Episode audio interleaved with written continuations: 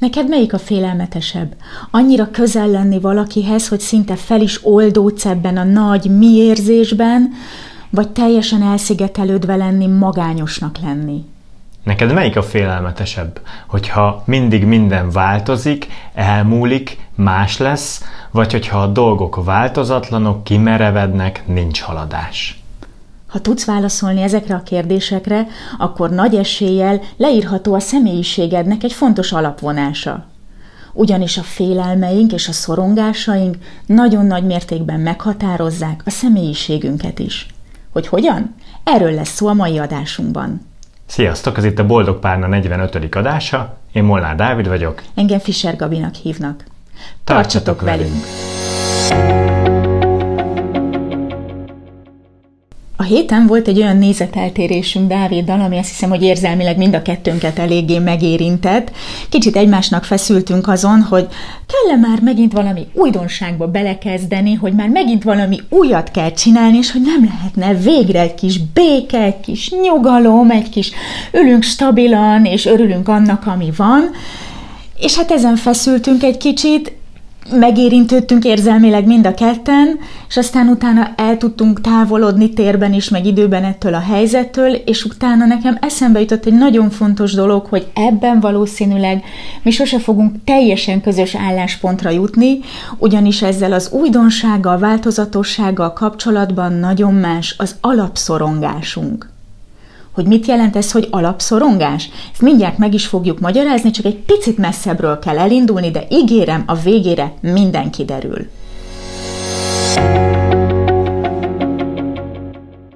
Itt van ez a nagy, széles és bonyolult világ, és itt vagyunk benne mi. És néha nagyon kicsinek és parányinak érezzük magunkat, és azért az okosabbja tudja, hogy előbb-utóbb meg fog halni. Legalábbis azt gondolom, hogy az emberek nagy része ezt tudja. És akár jelen van ez a mindennapjainkban, akár valahova elcsomagoljuk mélyre, ennek a tudása, hogy bizony végesség van, halál van, ennek a tudása kisebb-nagyobb szorongásként ott feszül a mindennapjainkban. A szorongás meg tud jelenni nagyon változatos módokon, de általában tud lenni egy ilyen nagyon közös gyökere, hogy tudjuk, hogy egyszer meg fogunk halni. Ez azt gondolom, hogy egy nagyon-nagyon közös pont mindannyiunkban, még akkor is, hogyha ennek a megjelenési formája, ennek a szorongásnak a megjelenési formája lehet nagyon változatos is. Fritz Riemann a 60-as években azonosította, tulajdonképpen megkülönböztette azt a négy alapszorongás típust, ami alapján a viselkedésünket, a döntéseinket, magát az egész személyiségünket befolyásolja, hogy mi melyik kategóriába tartozunk. Két ellentétpárt azonosított, ezt fogjuk most végigvenni.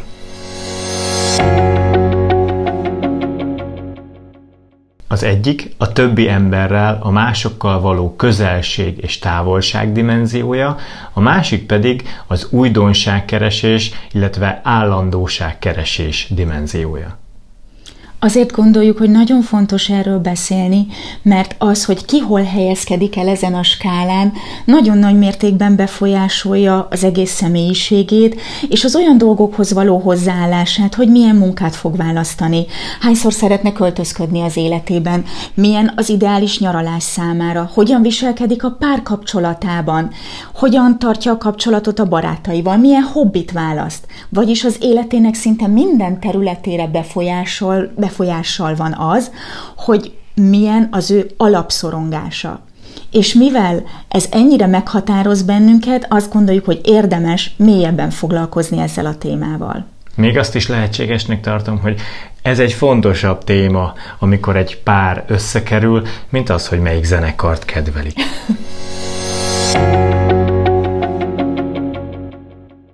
kedvelik. közelség, távolság dimenziót úgy kell elképzelni, hogy annak az egyik vége felé olyan típusú emberek vannak, akiket iszonyatos rettenettel, szorongással tölt el az, hogy ők, hogy ők egyedül vannak, hogy ők, hogy ők nem kapcsolódnak senkihez, hogy ők, hogy ők valahogy így kint állnak védtelenül a világban, és nincs, ami megvédi őket, és ezért, hogy a szorongásukat tudják csillapítani, erőteljesen keresik a közelséget másokkal.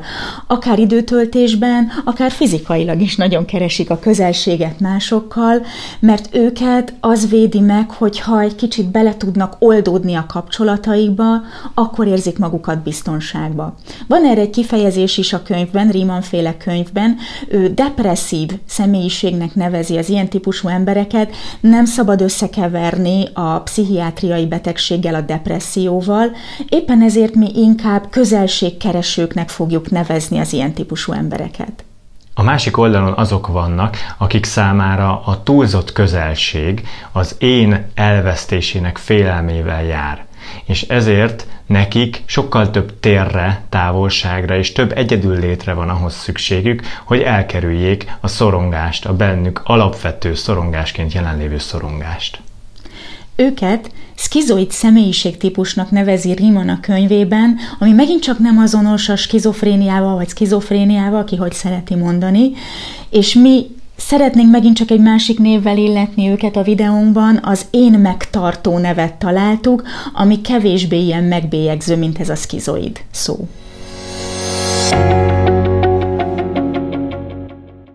Ha van kutyád, vagy macskád, vagy esetleg mind a kettő, akkor lehet, hogy még könnyebben meg tudod érteni azt a hasonlatot, amit most idehozunk, mert azt gondoljuk, hogy a kutyák egy kicsit hasonlatosak azokhoz, akik a közelséget keresik, a macskák meg az én megtartó viselkedéshez, személyiséghez hasonlatosak.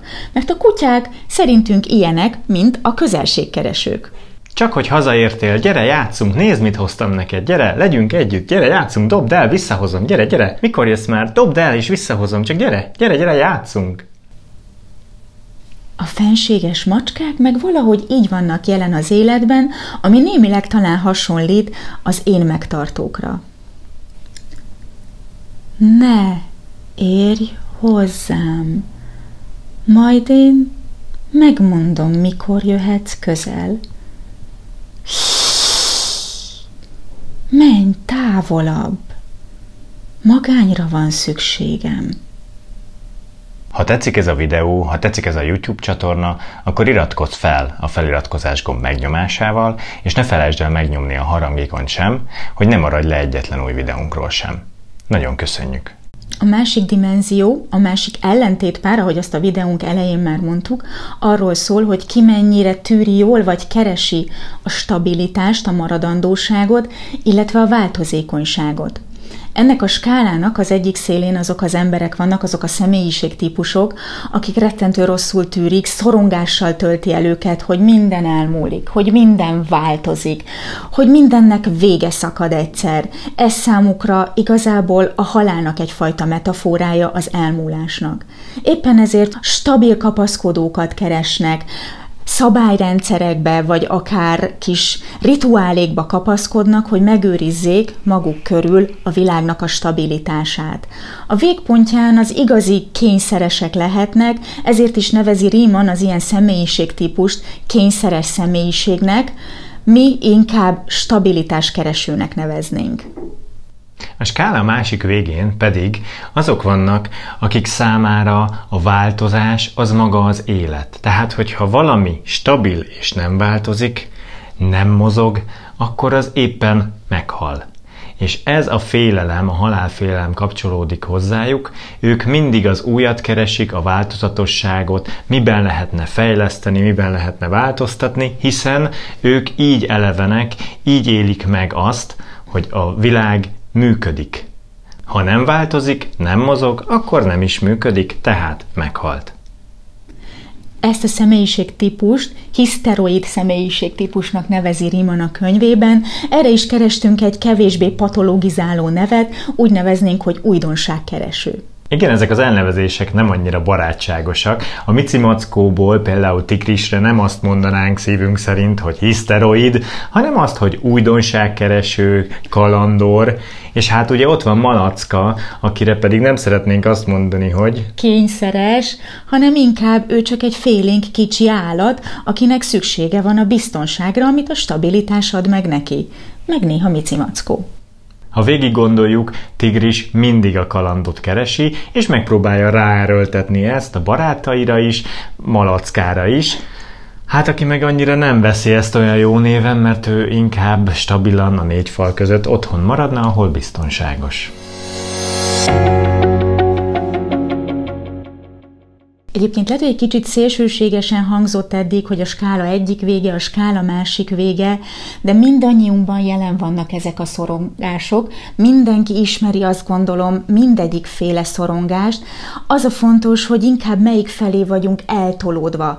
Nem hiszem, hogy többségünk, vagy többségetek, aki nézi a videót, nagyon a szélén lenne valamelyik skálának, hiszen az már, már egy kicsit így a pszichiátria irányába megy el, de valószínűleg vannak olyanok, amik amikkel jobban ismerősek vagyunk, amik jobban a sajátunk.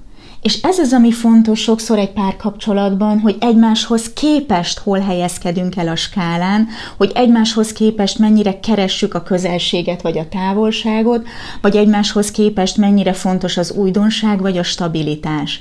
Mert ezt nagyon fontos megértenünk saját magunkban is, és nagyon fontos megértenünk a másikban is, hogy ami nekünk az élet, ami nekünk a biztonság, na lehet, hogy pont neki az a szorongás, és pont az a félelmetes. És hogy amikor ő furán reagál a mi kezdeményezésünkre, az nem azért van, mert hülyének néz minket, még ha úgy is viselkedik esetleg, hanem azért van, mert benne megszólal az ő saját szorongása. És azt gondolom, hogy ezt nagyon fontos értenünk. Mivel ez egy elég nagy téma, ezért a következő két adást is ennek a témának szenteljük, a szorongásoknak a különböző formáit fogjuk taglalni a párkapcsolaton belül. Akik már régóta nézik a Boldog Párna csatornáját, szerintem gyorsan ki tudják találni, hogy mi egyébként a skála melyik oldalán és melyik részén helyezkedünk el, de arra vagyok nagyon kíváncsi, hogy te, aki nézed ezt a videót, te magadban ezt hogyan tudod értékelni. Egyébként léteznek erre személyiségtesztek, de még mielőtt ezeket kitöltenénk, írd meg itt kommentben a videó alatt, hogy szerinted te melyik kategóriába esel inkább vagy akár a másik dimenzióban is el lehet gondolkodni, hogy melyik típusú szorongás jellemző-e rád, a közelségtől vagy a távolságtól való szorongás. Az újdonságtól, vagy inkább az állandóságtól való félelem. Nálunk például a közelség-távolság dimenzióban nincsen olyan nagyon nagy különbség, mind a ketten azt gondolom, hogy elég közelségkeresőek vagyunk, akkor érezzük magunkat biztonságban, ha ott tudhatjuk magunk mellett a másikat. Nem szívesen töltünk két-három hetet külön országban, hogy, hogy a saját individuumunkat keressük, Pici különbség van, azt gondolom, hogy nálam azért hamarabb szokott bekapcsolni az, hogy ú, ez már egy kicsit túl feloldódós volt, na akkor megyek egy picit távolabb, de nincsenek ebből nagy összefeszülések, nagy konfliktusok. De hogyha egy olyan párkapcsolatban élsz, ahol elég messze vagytok a skálán egymástól, akkor bizony elég könnyű belecsúszni egy olyan spirálba, egy ilyen ördögi körbe, hogy te mondjuk keresnéd a közelséget, mert megszólal benned a szorongás, a magánytól való szorongás, mész a másik után, szeretnél vele időt tölteni, szeretnéd, ha több közös hobbitok lenne, szeretnéd nyúnyorgatni, érintgetni, bármi módon keresed a közelséget, és akkor ez számára meg pont a szorongás szólítja meg. Úristen, fel fogunk oldódni egymásban, elveszítem az énemet, hogyha ez itt még ilyen közel jön, na nem, nem, akkor most határt húzunk. És te minél közelebb mész, ő annál jobban húzza a határt. Ez nyilván belőled megint közeledést vált ki, ami belőle távolodást. És sajnos ezekbe úgy tudunk belecsúszni, hogy fogalmunk sincsen, hogy mi történik. Ezért gondoljuk fontosnak, hogy erről a témáról alaposan és mélyen tudjunk beszélgetni. Gyakorlatilag az egymás szorongásait, egymásra rakódó félelmekkel és még nagyobb feszültséggel, ezeket azért nagyon nehéz egyedül megoldani. Hogyha ebben bármikor segítségre van szükségetek, akkor megtaláltok minket a boldogpárna.hu konzultáció oldalán, tudtok tőlünk segítséget kérni.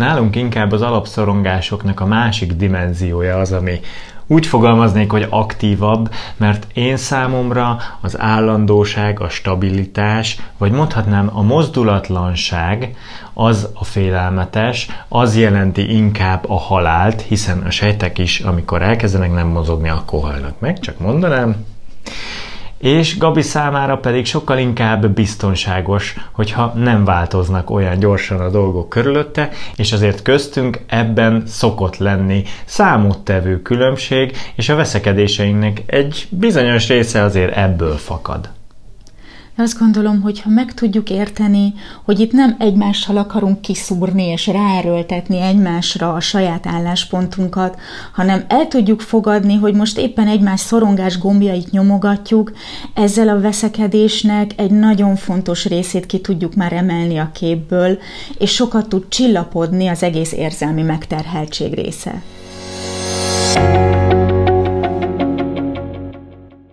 És hogy mit tehetünk? Azt gondolom, sőt szinte biztos vagyok benne, hogy a szorongást teljes egészében nem tudjuk kisöpörni az életünkből, hiába is próbálkozunk mondjuk alkohollal, szexel, drogokkal, meg hasonló dolgokkal, nem tudjuk megszüntetni a szorongást, valamelyest tudjuk csillapítani, de talán az egyik legjobb megfejtés ezeknek az alapszorongásoknak a szinten tartására, csillapítására, ha biztonság élményt szerzünk, jó működő kapcsolatokban, igazi, intim kapcsolatokban, talán még azoknak is működik ez, akik inkább a távolságot kedvelik, és nem annyira a közelséget, de olyan kapcsolatokban tudjuk megszerezni ezt a biztonságélményt, ahol értjük egymást. Ahol értjük egymásnak az alapfélelmeit, az alapszorongásait, és tekintettel is vagyunk rá, nem pedig lesöpörjük az asztalról, hogy ez mekkora hülyeség. Úgyhogy arra bíztatunk benneteket immáron nagyon-nagyon sokatszor, hogy ha kapcsolatban vagytok valakivel, valakikkel, akkor dolgozzatok azon a kapcsolaton, hogy jobban értsétek magatokat, egymást, mert így tudtok igazán termékeny és biztonságos környezetet teremteni magatoknak. A következő adásban ezzel a témával fogjuk folytatni, csütörtökön este 7 órától várunk titeket sok szeretettel. A Facebook csoportunkban továbbra is nagy szeretettel várunk, hogyha még nem csatlakoztál. Ott szoktunk nyereményjátékokat hirdetni, ott szervezzük meg a személyes találkozókat, posztok vannak, kommentek vannak, kérdések, válaszok, nagyon szimpatikus, nagyon jó fej emberek, akik megosztják az értékes gondolataikat, úgyhogy gyertek, a csoport linkjét itt megtaláljátok a leírásban. Csütörtökön pedig találkozunk este 7 órától. Sziasztok! Sziasztok!